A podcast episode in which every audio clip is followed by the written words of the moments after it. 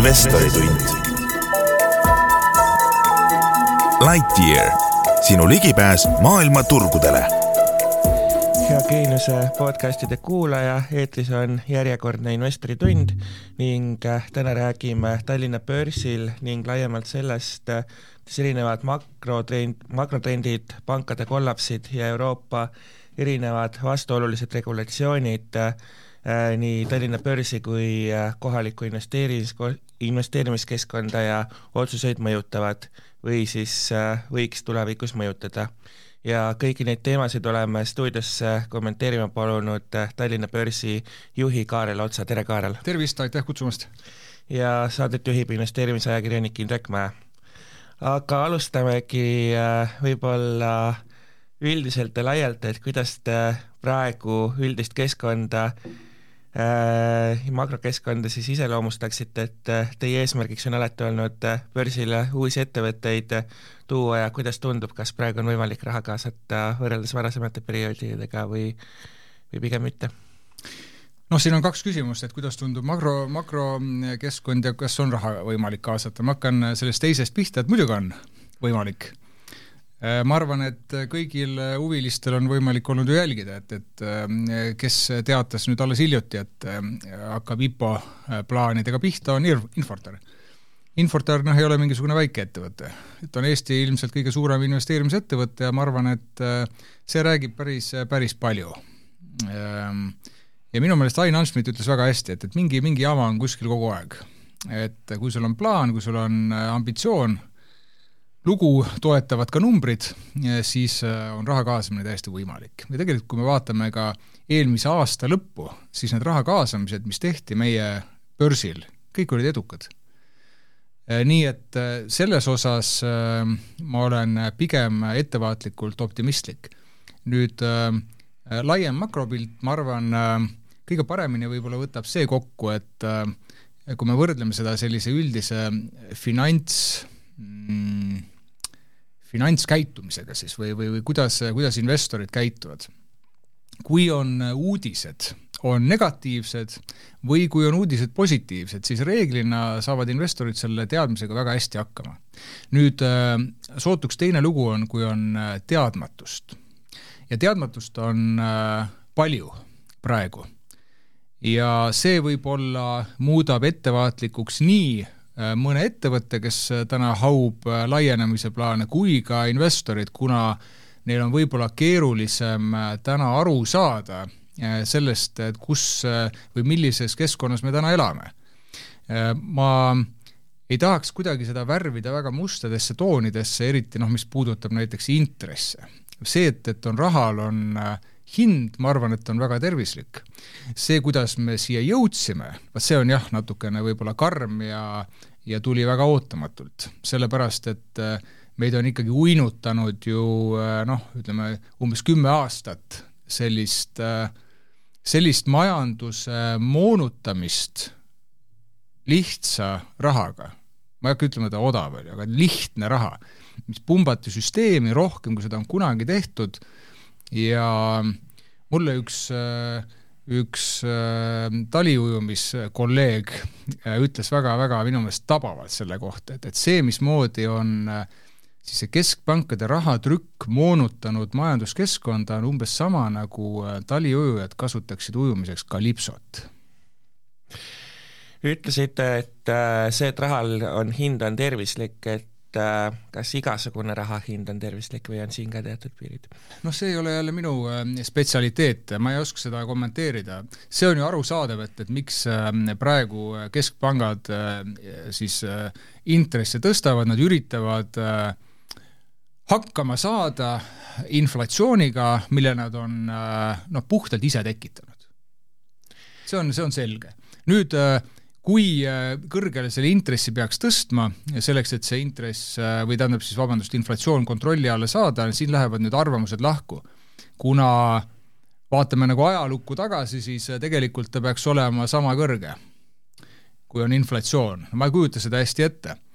Volker, Paul Volker siis, kes oli Fedi Ameerika Keskpanga juht kaheksakümnendatel, tema tõstis ju intressi siis noh, väga kõrgele, kahekohaliseks praegu ma arvan, et see põhiline konflikt on selles, et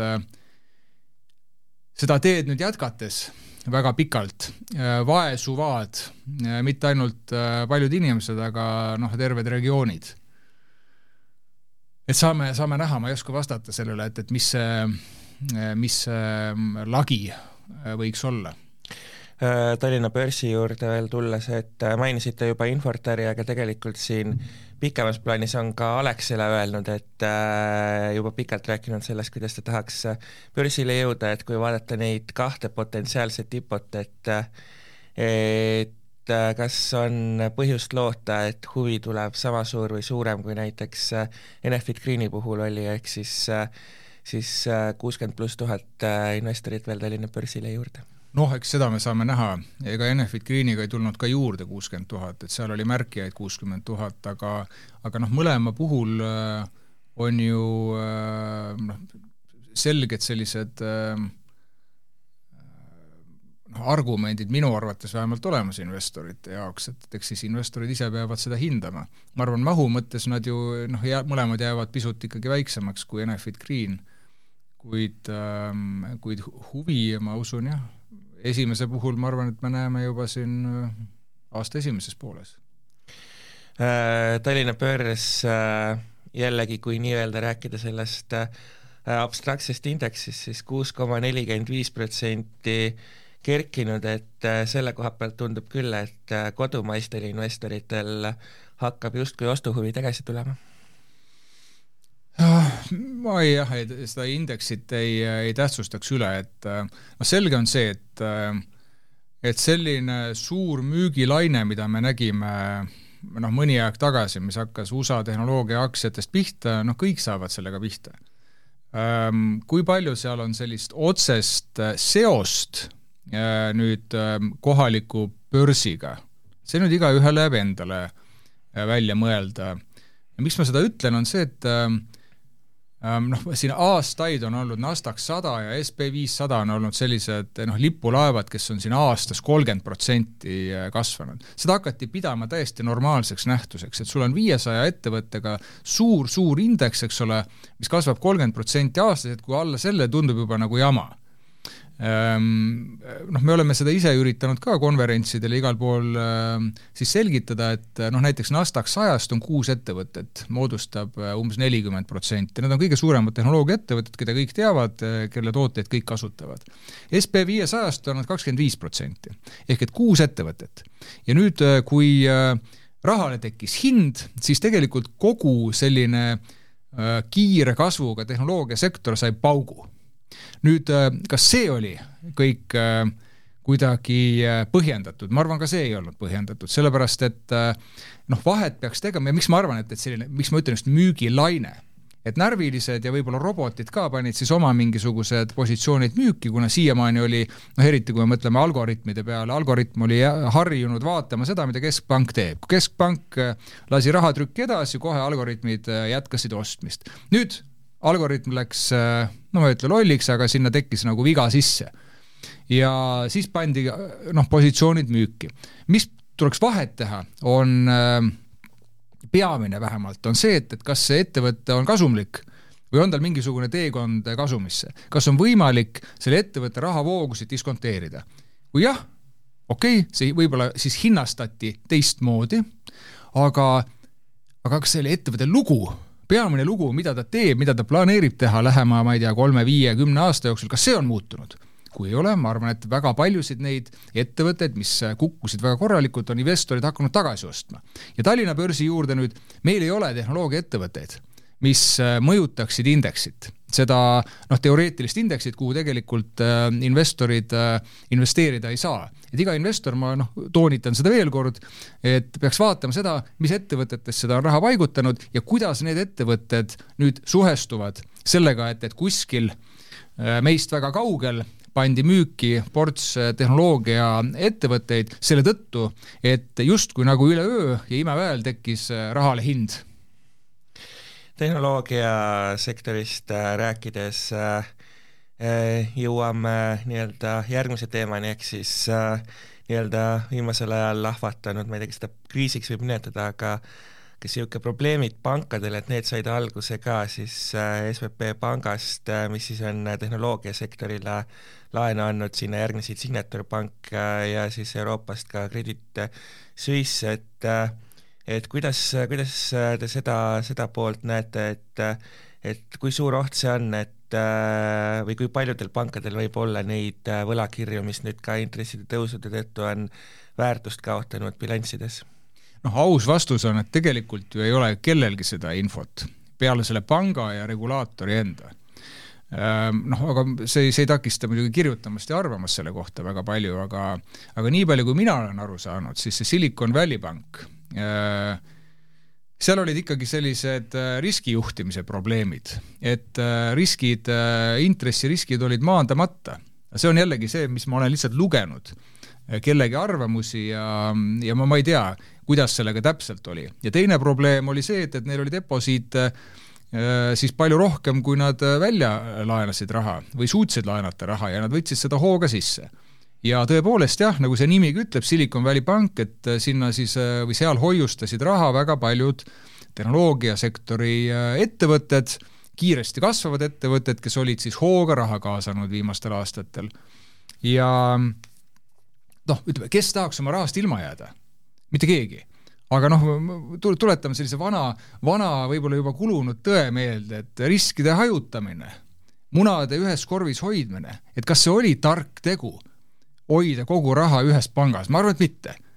ja nüüd, äh, mis puudutab seda, seda dominoefekti, no ma arvan, seda kõige rohkem äh, tahab äh, ju ajakirjandus ise kokku klopsida. ma mäletan seda äh, hästi, siis kui äh, Lehman Brothersi kokkukukkumisest sai kümme aastat, siis hakkasid ka lood tulema, et noh, millal see nüüd järgmisena tuleb, et kümme aastat on möödas, kuna oli justkui selline kirjutamata reegel, et need panganduskriisid käivad iga kümne aasta tagant.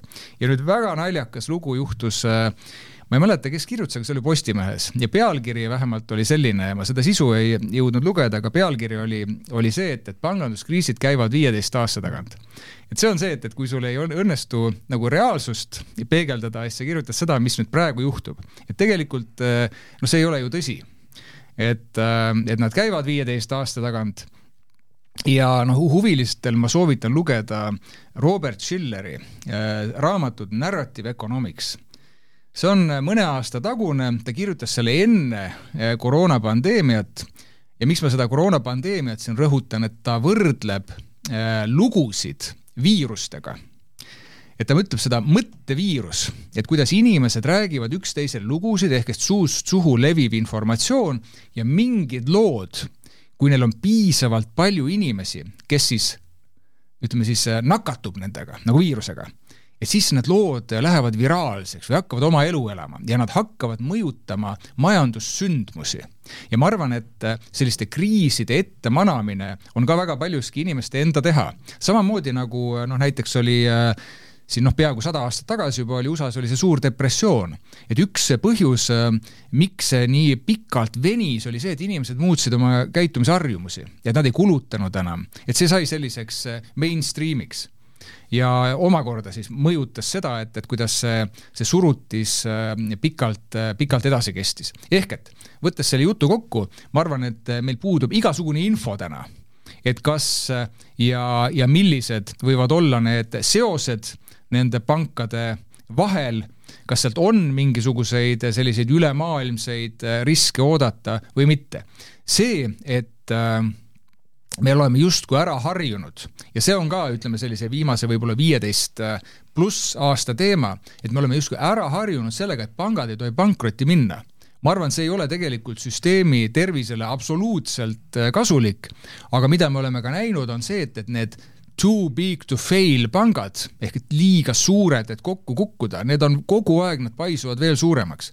et ma hästi ei kujuta ette, et, et, et kuhu sinna on võimalik see käsi nüüd vahele panna, et öelda, et noh, tegelikult ei olegi enam nii suur, et kokku kukkuda, et et see on, ma arvan jah, selline mm, noh, tulevikku silmas pidades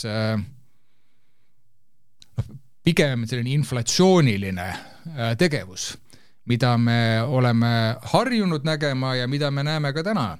et kohe tõtatakse appi, noh olgugi jah, et võib-olla veel seda otsest raha ei trükita, täpselt ei tea ka, millised on need instrumendid ja need viisid, kuidas neid pankasid päästetakse, aga noh, selgelt jällegi minnakse appi. minnakse appi selle asemel, et äh, noh, turg ise, ise puhastuks. ehk siis äh, nii-öelda teoreetiliselt selleks, et süsteem puhastuks, oleks tegelikult äh, vaja midagi äh, suure depressiooni sarnast, et kui äh,, et kui riigid appi ei tule, siis tekib inimestel taaskord ohutunne kas või selles äh, vallas, et äh, et nende hoiuseid ei päästeta ära, nad võib-olla ei tarbi ebamõistlikult palju ja nii edasi, ehk siis turul lasta asjad nagu nii-öelda loomulikul teel paika panna. no aga sellepärast ma ütlengi, et, et ma hästi ei kujuta seda ette, et, et praegu oleks võimalik sellist, äh, sellist vahet vahele teha, et, et keegi ju ei taha sellist äh, suure depressiooni laadset äh, olukorda ja ma arvan, sellepärast minnaksegi tihti appi, väga tihti maksumaksja rahaga. et öeldakse, et see on justkui meie kõigi, kõigi hüvanguks, et äh, noh, ma ei tea, kas kaks tuhat kakskümmend ja kakskümmend üks triljonite kaupa uut raha oli, oli mõttekas süsteemi pumbata, et eh, noh, mina väidan, et see oli üks kõige suuremaid rumalusi, mis üldse on tehtud. et nüüd eh, seda niimoodi üks-ühele pangandusele, ma arvan, et on noh, ei ole õige, õige üle kanda, et, et alati sa peaks vaatama seda noh, spetsiifiliselt. et, et keda sa päästad, miks sa seda teed, mis siis juhtub, kui sa seda ei tee et see, et, et äh, ütleme, olid need riskijuhtimise maatriksid paigast ära, see on ju samuti, võib öelda, sellise lõdva raha, pika perioodi lõdva raha tulemus.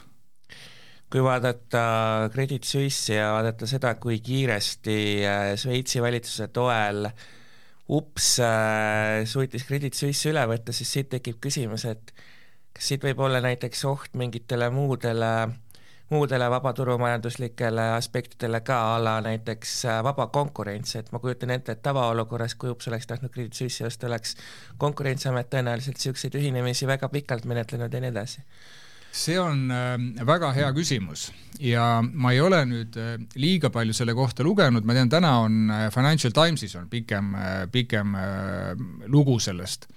Aga, aga ta tundub jah, selline väga huvitav et noh, kui me mõtleme kas või äh, corporate governance või siis äh, ühingu juhtimine äh, selle peale, et kuidas, kuidas see tavaliselt käib.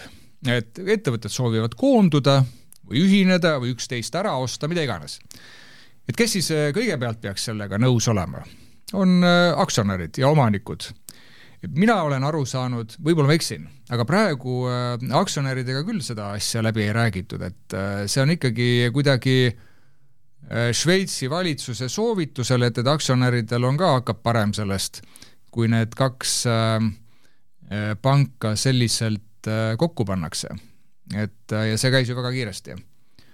et jah, ma arvan, et seda peaks, peaks natukene süvenema ja lugema, aga aga sellist tavalist äh, protseduuri siin kindlasti ei, ei ole järgitud, jah Äh, mis oleks äh, kõige mustem, mustem stsenaarium, kui, kui nüüd näiteks toimukski nii-öelda niisugune vaikiv kokkulepe, et me enam mitte ühtegi panka ei aita, võtame selle riski, et kas olukord on hullem kui äh, suure depressiooni eel näiteks või mis need kõige mustemad absoluutselt ei oska öelda.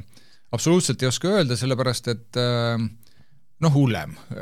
suure depressiooni ajal ikkagi äh, no mõtleme, millega see asi äh, päädis siis. tuhat üheksasada kolmkümmend kolm, õigemini ta ei, ta ei päädinud sellega, aga aga tuhat üheksasada kolmkümmend kolm siis äh, president Roosevelt tegi niimoodi, et ta pani äh, sellesama pangajooksu äh, vältimiseks, millest ka praegu räägitakse, ta pani kõik pangad kinni. Pani kolmeks päevaks kinni, selle ajaga tehti siis selline kiire analüüs, due diligence, ja avati ainult need pangad, mis äh, arvati, et äh, on piisavalt tugevad. ja selle kolmekümne kuue tunniga tegelikult taastati usaldus äh, panganduse vastu. et noh, piisab ka sellisest tegevusest. nüüd see, see on kõik noh, natukene vähem kui sada aastat tagasi ähm,. alates võib-olla noh pigem juba varem, aga, aga, aga pigem Lehmanist, kahe tuhande kaheksandast. tegelikult tundub, et need pidurid läksid maha, et äh, sellist äh, päästmist hakati pidama mm, rohkem oluliseks ja siis hakati ju ka noh, klassifitseerima siis pankasid äh, selliselt, mis on süsteemselt olulised ja mis ei ole. Varem seda minu meelest sellisel kujul äh, ei tehtud, noh ja siis, kui sa oled süsteemselt oluline pank, äh, siis nojah, muidugi tullakse siis appi ja üritatakse siis noh, klattida neid, neid probleeme. selle noh, mündi, mündi teine pool on see, et see soodustab aina suuremat riski võtmist, headel aegadel on tulemused väga head, boonused on ka väga head, halbadel aegadel siis on äh, vaja bail-out'i teha, et selle kohta Taleb, äh, Nassim Taleb ütles äh, koroona puhkedes siis märtsikuus kaks tuhat kakskümmend, et mida me näeme, on selline korporatiivne sotsialism. et kuidas inimeste rahaga päästetakse ettevõtteid noh, ja ütleme, noh sellist äh, sotsialismi hõngu kindlasti, kindlasti õljub äh, kogu selle, kogu selle tegevuse ümber, kus äh, kus noh, ei ole palju peetud siin triljonite kaupa raha trükkida ja siis maksumaksja rahaga ettevõtteid päästa. ma ei ütle, et see kõik on vale, aga ma arvan, et need mahud on, mahud on läinud väga paigast ära no siit edasi juba tegelikult olen kuulnud äh, mõtet, et kuna panku tuleb ikka aeg-ajalt päästa, et et siis äh, selle taustal äh, oleks justkui mõistlik äh, panku headel aegadel nende kasumeid äh, maksustada, et siis see justkui kompen-, kompenseeriks, et tundub ka niisugune, niisugune näide jälle äh, sinna sotsialismi poole liikumisest. tundub jah, tundub jah, ma olen nõus Eesti pangad räägivad kõik justkui ühest äh, suust, et äh, äh, nad on hästi kapitaliseeritud, regulatsioonid on niivõrd tugevad, vanakooli pangandus, et meil mitte mingit, mingisuguseid ohtusid ei ole, et aga lihtsalt teoritiseerides, et mis või kui palju Eestit mõjutaks see, kui üks, üks meie suurematest pankadest äh, nii-öelda hätta satuks, et et mis mõjud sellel Eestile oleks? ma ei, seda ei tahaks üldse kommenteerida, seda võiksid regulaatorid kommenteerida või, või, või siis pangajuhid, et noh, ma vaataks seda pigem niimoodi, et äh, meie pangad, siin toimetavad pangad, nad on ju väga sellised äh, nende, nende äri on palju lihtsam no kui on näiteks sellise suure investeerimispanga äri, nende see riski, see sisemine risk on minu meelest palju, palju madalam ja see on palju selgemini kuidagi hoomatav ka välisin-, ka, ka investoritele. Ehm, kodulaenud, ettevõtete laenud, järelmaksud, noh natukene, natukene trade finance'it ja liisingut, et et ma, ma, ma ei, ei tahaks sellist võrdusmärki või sellist võrdlust üldse, üldse teha. kui kõikide börsil noteeritud pankade mm, aruannetega on võimalik tutvuda, vajadusel küsida küsimusi, et, et ma ei, ma ei pea jah vajalikuks kuidagi kahtluse alla seada seda, mida, mida pangajuhid on öelnud, et, et nad on korralikult kapitaliseeritud ja, ja kasvu, kasvukursil mis ei tähenda seda, et äh, sellised äh, paanikameeleolud ei võiks üle kanduda siia, aga noh, siin peamegi jällegi hoolega vaatama, et, et mis on see seos. kui seda seost ei ole, siis ei ole mõtet ju ise äh, tuba mustaks värvida. teine suur teema, mis kohati tundub, et vaba turgu suunab, on erinevad Euroopa-sisesed regulatsioonid, et alustaks võib-olla rohepöördest, et et kas see nii-öelda rohetrend äh, on äh, tänastes oludes kuidagi muutumas, et äh, teame, et kui varasemalt kõik, kogu Euroopa ühtselt nii-öelda seda nii-öelda roheteemat tagus, siis täna näiteks Saksamaa hakkab sellest vaikselt irduma, ehk siis kivisüsi ahju ja on kuulda ka oponeerimisi sisepõlemismootorite keelustamise vastu ja nii edasi ja nii edasi, et kas sinna hakkab tekkima Euroopa-üleselt juba mingi lõhe ka või, või pigem ikkagi sõidab äh, sõidab rong täistuuridel edasi? see on ähm, väga hea küsimus. ma arvan, et ähm, noh, sa ütlesid, et rohetrumm, et, et võib-olla see jah, ongi väga hea selline võrdlus, et äh, ma arvan, et ähm, kui me räägime keskkonnast, kui me räägime loodusest laiemalt, siis ma usun, et mitte keegi ei äh,, ei ole vastu sellele mõttele, et äh, et loodusega, et inimene on looduse osa, alustame sellest, et inimene on looduse osa, see, mismoodi võib-olla siin äh, noh, kuuekümnendates alatest on inimese ja tarbija vahele tõmmatud võrdusmärk, kuidas, kuidas siis selle inimese ainus eesmärk on tarbida kogu aeg rohkem, osta asju, et see ei ole jätkusuutlik. nii, ja see teeb keskkonnale kahju. nüüd, et kuidas seda kahju vähem teha, ma arvan, see võiks olla, me oleme minu meelest varem ka rääkinud sel teemal, et, et see võiks olla see eesmärk, kuidas kasutada kõiki asju säästlikumalt ja niimoodi, et äh, sa oma tegevusega ei tee ümbritsevale kahju. nüüd äh, ja, ja ma, see on, see on hästi elementaarne selline. nüüd, kui me mõtleme selle, selle rohelise kokkuleppe peale, see Green Deal, äh, mis on Euroopa Komisjonis siis koostatud, mille eesmärk ei ole vähem ega rohkem kui saada esimeseks kliimaneutraalseks maailma jaoks maailmas siis siis see plaan äh, on ma arvan, et ma ei, ma, ma ei liialda, kui ma ütlen, et see kogu see plaan on olnud üks-ühele põhinev Vene gaasil, odaval Vene gaasil. nüüd, kui seda ka odavat gaasi enam ei ole, nüüd me näeme täpselt selliseid äh, äh selliseid asju, nagu sa nimetasid, et Saksamaa, äh, kes siis otsustas hooga sulgeda kõik oma tuumajaamad, minu meelest kaks tükki nüüd otsustati ikkagi lahti jätta, kes on väga palju investeerinud muuseas ka tuuleparkidesse. Nende peamine energiaallikas täna on kivisöel põhinevad elektrijaamad. See on Euroopa südames.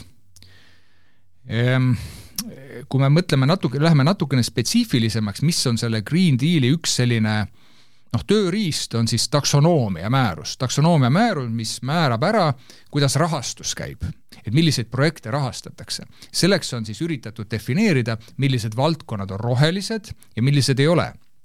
ja üllatus-üllatus, Saksamaa sai sinna erandi, et, et gaas on äh, kuni mingi üleminekuperioodini roheline. ehk et siis see kvoot või kvoodimaks äh, CO2 eest ei rakendu sellisel kujul, nagu meile rakendub see põlevkivi eest ja selliseid, noh, see autode teema on samuti. et kui me nüüd äh, mõtleme selle peale tagasi, kas võib olla, et see plaan ei ole, ei olnud äh, piisavalt äh, hästi läbi mõeldud ähm,? Noh, ma arvan, et on küll niimoodi. kui me vaatame Eesti äh, otsuseid ja, ja tegevusi, siis eh, noh, kangesti tundub, et on alla kirjutatud kuhugi, millest tegelikult aru ei saada. et see on eh, noh, olukorras, kus, eh, kus meil on käimas sõda ja kus riigid noh, põhimõtteliselt üksteist üle trumbates tulevad välja siin äh, lubadustega, et me suurendame oma kaitsekulutusi. see nüüd panna konteksti.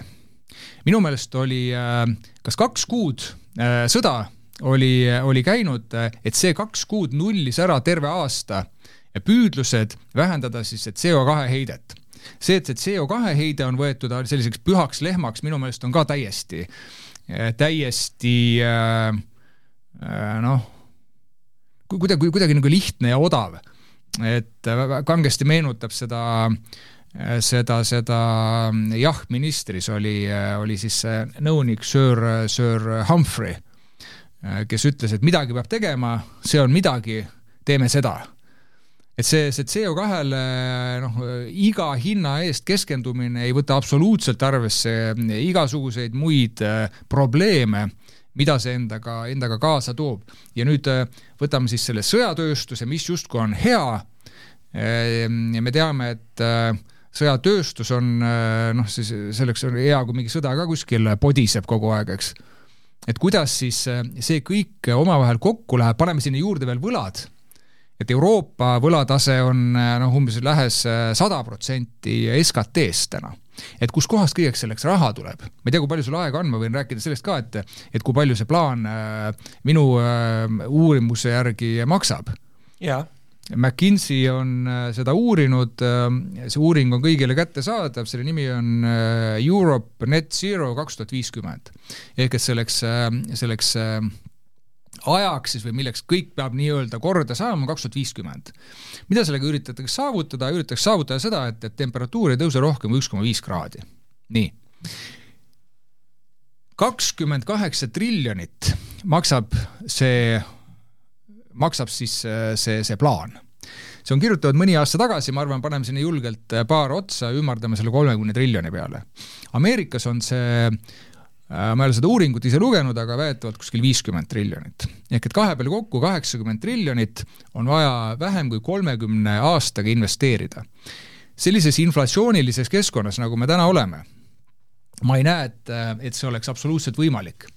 ja miks ei äh,, ei räägita sellest piisavalt äh, no näiteks ajalehtedes äh,, uudistes, on see, et, et see ongi liiga keeruline et palju lihtsam on öelda, et meil on vaja CO2 vähendada ja, ja kõik äh, energia lähebki sinna, aga see on, see on, ma arvan, et üks kõige komplekssemaid äh, probleeme, mis meil on lähiajaloos äh, olnud vaja lahendada ja ka lähitulevikus äh, vaja lahendada. ehk et siin sellise diskussiooni puudumine, ma arvan äh,, tekitab äh, äh segadust, ta tekitab inimestes trotsi ja ta tekitab väga palju sellist äh, noh, vastasseisu võib-olla asjadel isegi, millel ei peaks vastu olema, lihtsalt sellepärast, et ei saada aru, kuidas on võimalik äh, mingisuguseid eesmärke seada, mille saavutamine tundub täiesti ebarealistlik ja mis eeldab mingisuguseid selliseid kõrgemate jõudude või, või imede juhtumist lausa.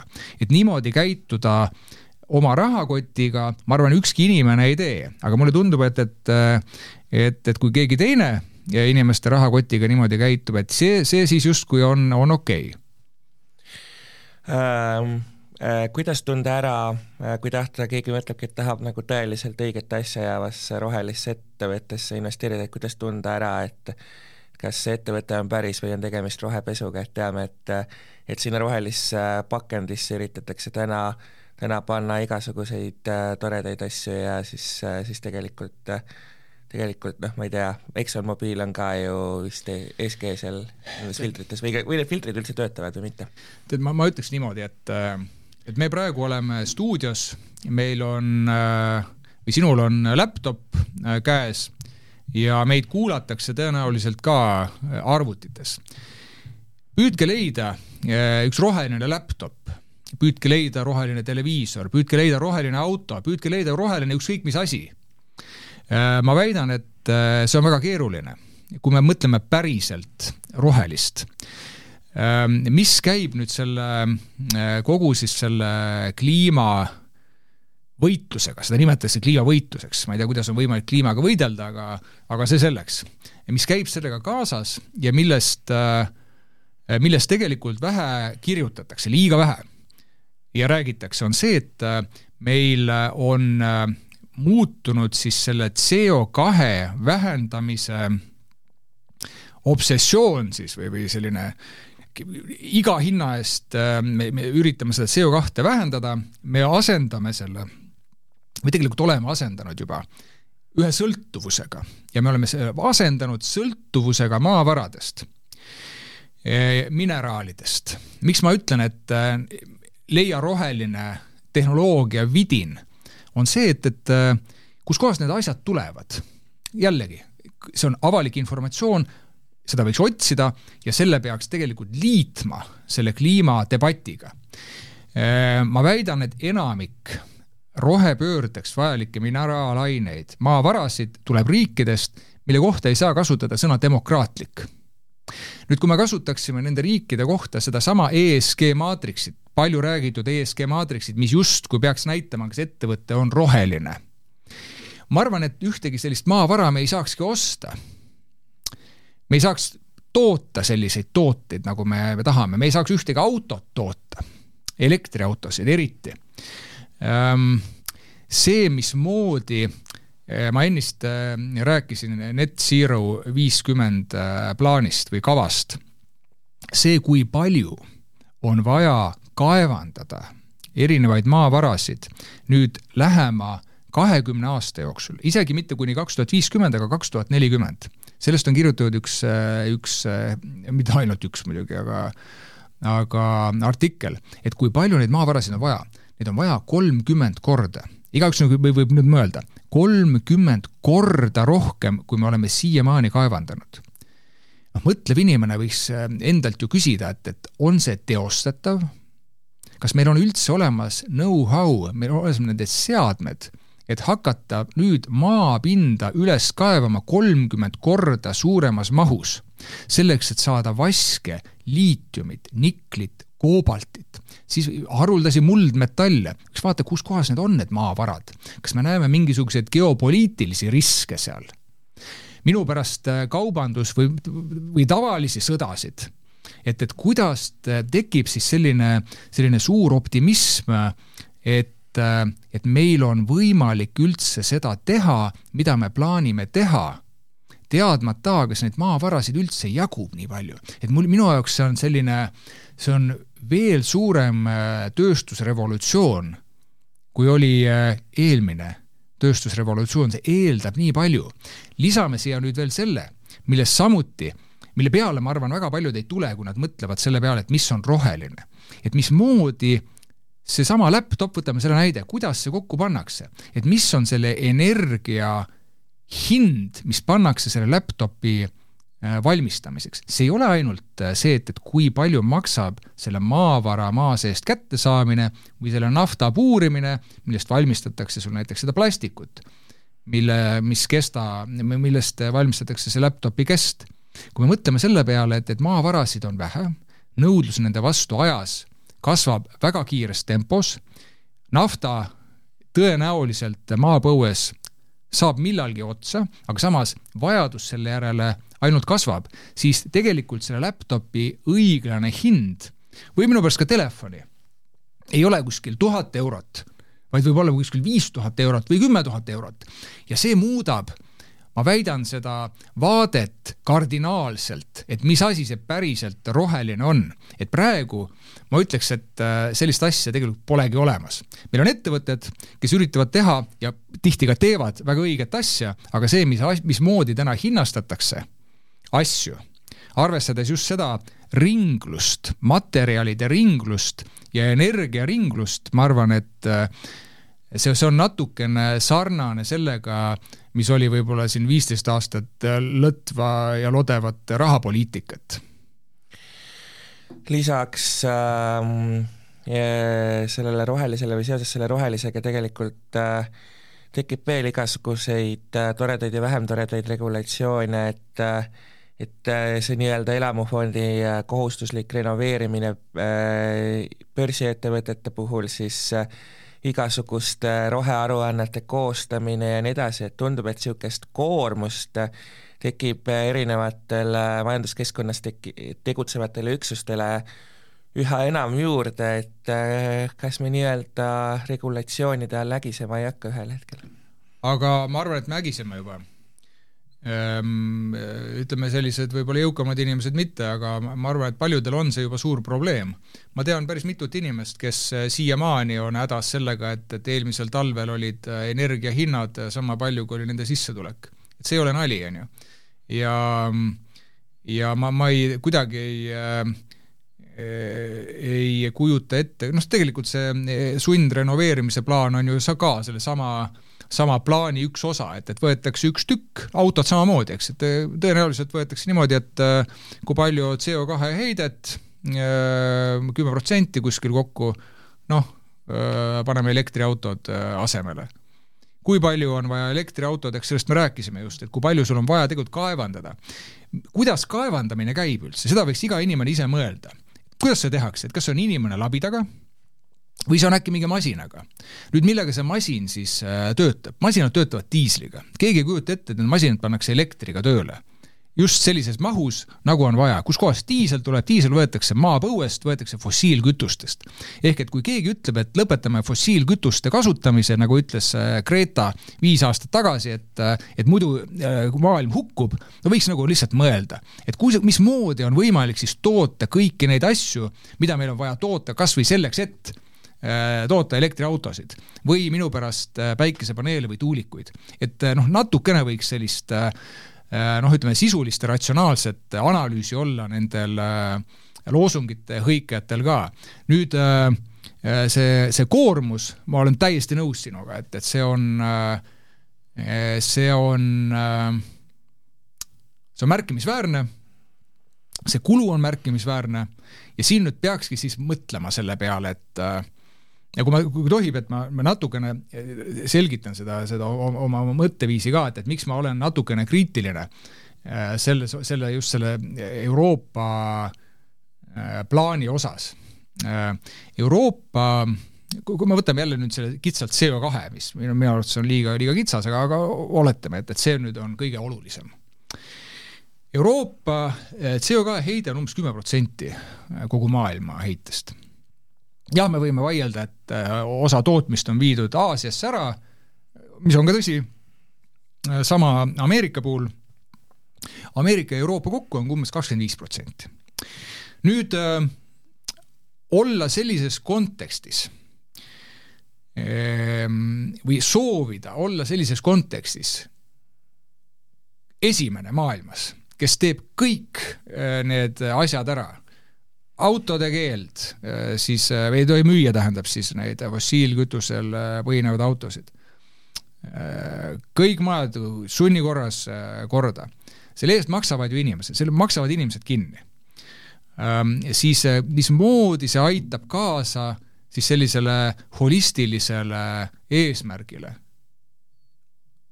maailma kliimat muuta, mismoodi on see võimalik? kümneprotsendilise CO2 heitega regioon viib läbi minu arvates äh, kõigepealt enda konkurentsivõime vähenemist ja teiseks oma inimeste, äh, oma inimeste siis äh, jõukuse vähenemist.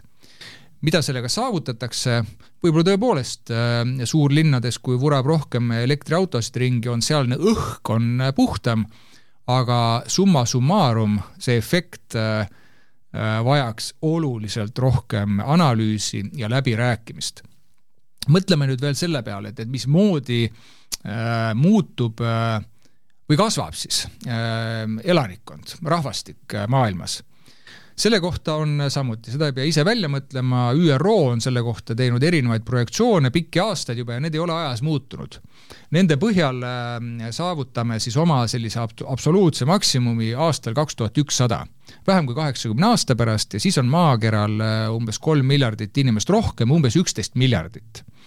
ja sellesama plaani kohaselt moodustab Aafrika ja Aasia umbes sama palju ehk et Aafrika rahvaarv kasvab kõige kiiremini. Aasia osas tõenäoliselt Hiinas ta kahaneb, Indias kasvab.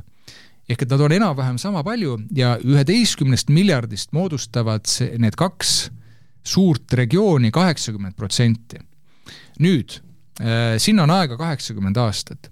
kui äh, need kiiresti kasvavad ja selgelt vaesemad rahvad täna ei ütle samamoodi, et meie jaoks on äh, prioriteet teha täpselt samasuguseid asju, nagu teeb Euroopa, siis on see plaan mõttetu.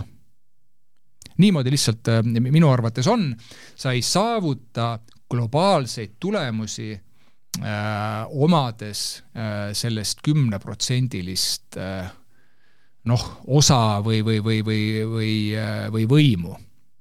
selleks on vaja selliseid globaalsemaid äh, Ähm, maailmaülesemaid äh, otsuseid ja ma kuidagi ei näe, et need sellisel kujul äh, praegu äh, aset leiaksid. ja viimane, viimane teema selle koha pealt, mis regulatsioone puudutab, on siis äh, teema, mida te olete tegelikult juba varasemalt meedias kommenteerinud ka, ehk siis äh, sookvoodid äh, börsiettevõtete äh, nõukogudes, et äh, kui suurt mõju see lõpuks ettevõtetele nii-öelda avaldab, et, et kas esiteks neid inimesi on sinna leida niimoodi, et need kvoodid kohustuslikus korras ära täita ja teiseks, kui neid leida, et kas siis võib kannatada kuidagi kvaliteet, aktsionär, lõpuks kokkuvõttes aktsionärile loova, loodav väärtus ja nii edasi või, või pigem vastupidi? mul ei ole ausalt öeldes mitte midagi siia, siia juurde lisada, kui kui ma olen varasemalt rääkinud, et, et minu arvat-, ma, ma ei ole mitte üheski teemas pea, peaasjalikult sellise kvoodi fänn ma ei, ähm, ja antud juhul selle sookvoodiga ma ka ei näe tegelikult, et kuidas äh, või mis, mis probleemi üritatakse sellega lahendada. see on tõepoolest jah, see on börsiettevõtetele seatud äh, kohustuseks, ähm, mis takistab täna ettevõttel äh, palgata kõige paremad inimesed täna, mitte miski. ma ei suuda uskuda et äh, avalik ettevõte nagu börsiettevõte või üldse edumeelne ettevõte, kes täna tegutseb rahvusvahelisel turul või Eesti turul äh,, on klientide poole näoga, püüab neid teenindada maksimaalselt hästi, et nemad palkaksid endale juhtkonda midagi muud või kedagi muud kui kõige paremaid inimesi. et kuidas aitab sellise kvoodi seadmine sellele kaasa. võib-olla mind on ära rikkunud see, et, et mina, need ettevõtted, kus mina olen töötanud, seal on väga palju naisi olnud juhtkondades. ma ei ole seda võib-olla ise äh, sellisena isegi näinud, et oleks äh, oleks äh, kuidagi probleem sellega, et ei ole võimalik saada juhtivale positsioonile, kui sa, kui sa tahad saada kas see eh, kvoot seda nüüd muudab, eh, eh, noh, saame siis, saame siis näha, et mulle endale tundub, et Eestis vähemalt on see iseeneseslikult liikunud sinnapoole. nagunii. Ehm, ja kui, kui mõelda niimoodi, et, et miks ja kusjuures ma saan sellest nagu ideoloogiliselt isegi aru ja ma toetan seda mõtteviisi, et, et ja noh, naised on ju äh, tihti ka paremad investorid, kuna nad on tasakaalukamad ja vaatavad rohkem võib-olla ette et mehed on impulsiivsemad. keegi ütles hästi, et, et see tuleb sellest äh, või võib-olla noh, evolutsiooniliselt tuleb sellest, et, et, et siis äh, noh, järeltulijate ähm, järeltulijatele mees kulutab umbes viisteist minutit ja naine noh, vähemalt üheksa kuud et, et võib-olla sealt on see kõik äh, saanud alguse, et, äh, et ma arvan, et äh, see on kasulik tegelikult. Ja mitte ainult mehed-naised, aga, aga üldse omada erinevaid arvamusi, erinevaid teadmisi mis tahes valdkonnas, et see tegelikult ju rikastab. aga noh, kui on otsustatud seda niimoodi kvootidega paika panna, et noh, mis siis teha, et, et ma arvan, keegi, keegi nagu hätta, hätta ei, ei jää sellega ja siis võime ju nagu noh, irooniliselt nagu küsida vastu, et aga mis siis, kui see kvoot on nagu teistpidi paigast ära, et, et kas siis äh, kui on naisi liiga palju juhatuses, et kas siis peab äh, peab ka midagi ette võtma, et, et noh, sellega võib minna kuni naeruväärsuseni välja, ma arvan, et, et Eesti on suutnud väga palju asju teha mõistlikult, äh, sellist talupoja loogikat kasutades ja ma usun, et, et suudame selle ka teha niimoodi, et ettevõtetel on äh, see tulem või see, või siis jah, tulem kõige, kõige parem. kaks äh, saate poolt kokkuvõttes, kas te ise täna pangandus- ja roheaktsiatesse investeeriksite? noh, selle roheaktsiaga ma ütlengi sulle, et noh, mis asi on roheaktsia, kõigepealt igaüks võiks endale selle ära defineerida. Kas peetakse silmas Ignitis Gruppe näiteks või Enefit Green? Noh, ongi, et eh, ma, ma ei ütleks, et see on, see on roheaktsia, et, et nad eh, tegutsevad taastuvenergiat, noh, Enefit Green eriti, on ju taastuvenergia tootja. et kas ta on nüüd roheaktsia, see, eh, see on eraldi selline noh, definitsioon, et noh, siin Põhjamaades pannakse osadele nendele siis ettevõtetele selline märk kohe külge, et, et ta peab mingisugustele tingimustele vastama, et ta on roheaktsia. ja pangandus äh, ma olen tegelikult ähm, panganduse või ütleme siis no vähemalt ühe panga investor läbi äh, Berkshire Hathaway. aga otse ma ei, ei ole pankadesse investeerinud puhtalt selle tõttu, et minul puudub esiteks aeg ja ja noh, Eesti pankadesse ma ei, ma ei tohigi midagi investeerida, et, et neid selliseid ettevõtteid eraldi kuidagi analüüsida, et ma tunnen, et see ei ole minu suur tugevus, et, et ma olen eelistanud erinevaid valdkonnaspetsiifilisi fonde ja siis sedasama Warren Buffettit üritanud siis jah, tema, tema ettevõttes temaga kaasas käia. Selge pilt, suur aitäh, Tallinna börsi juht Kaarel Ots täna selle intervjuu eest ning Investori tund on eetris taas nädala pärast, kuulmiseni! Head aega!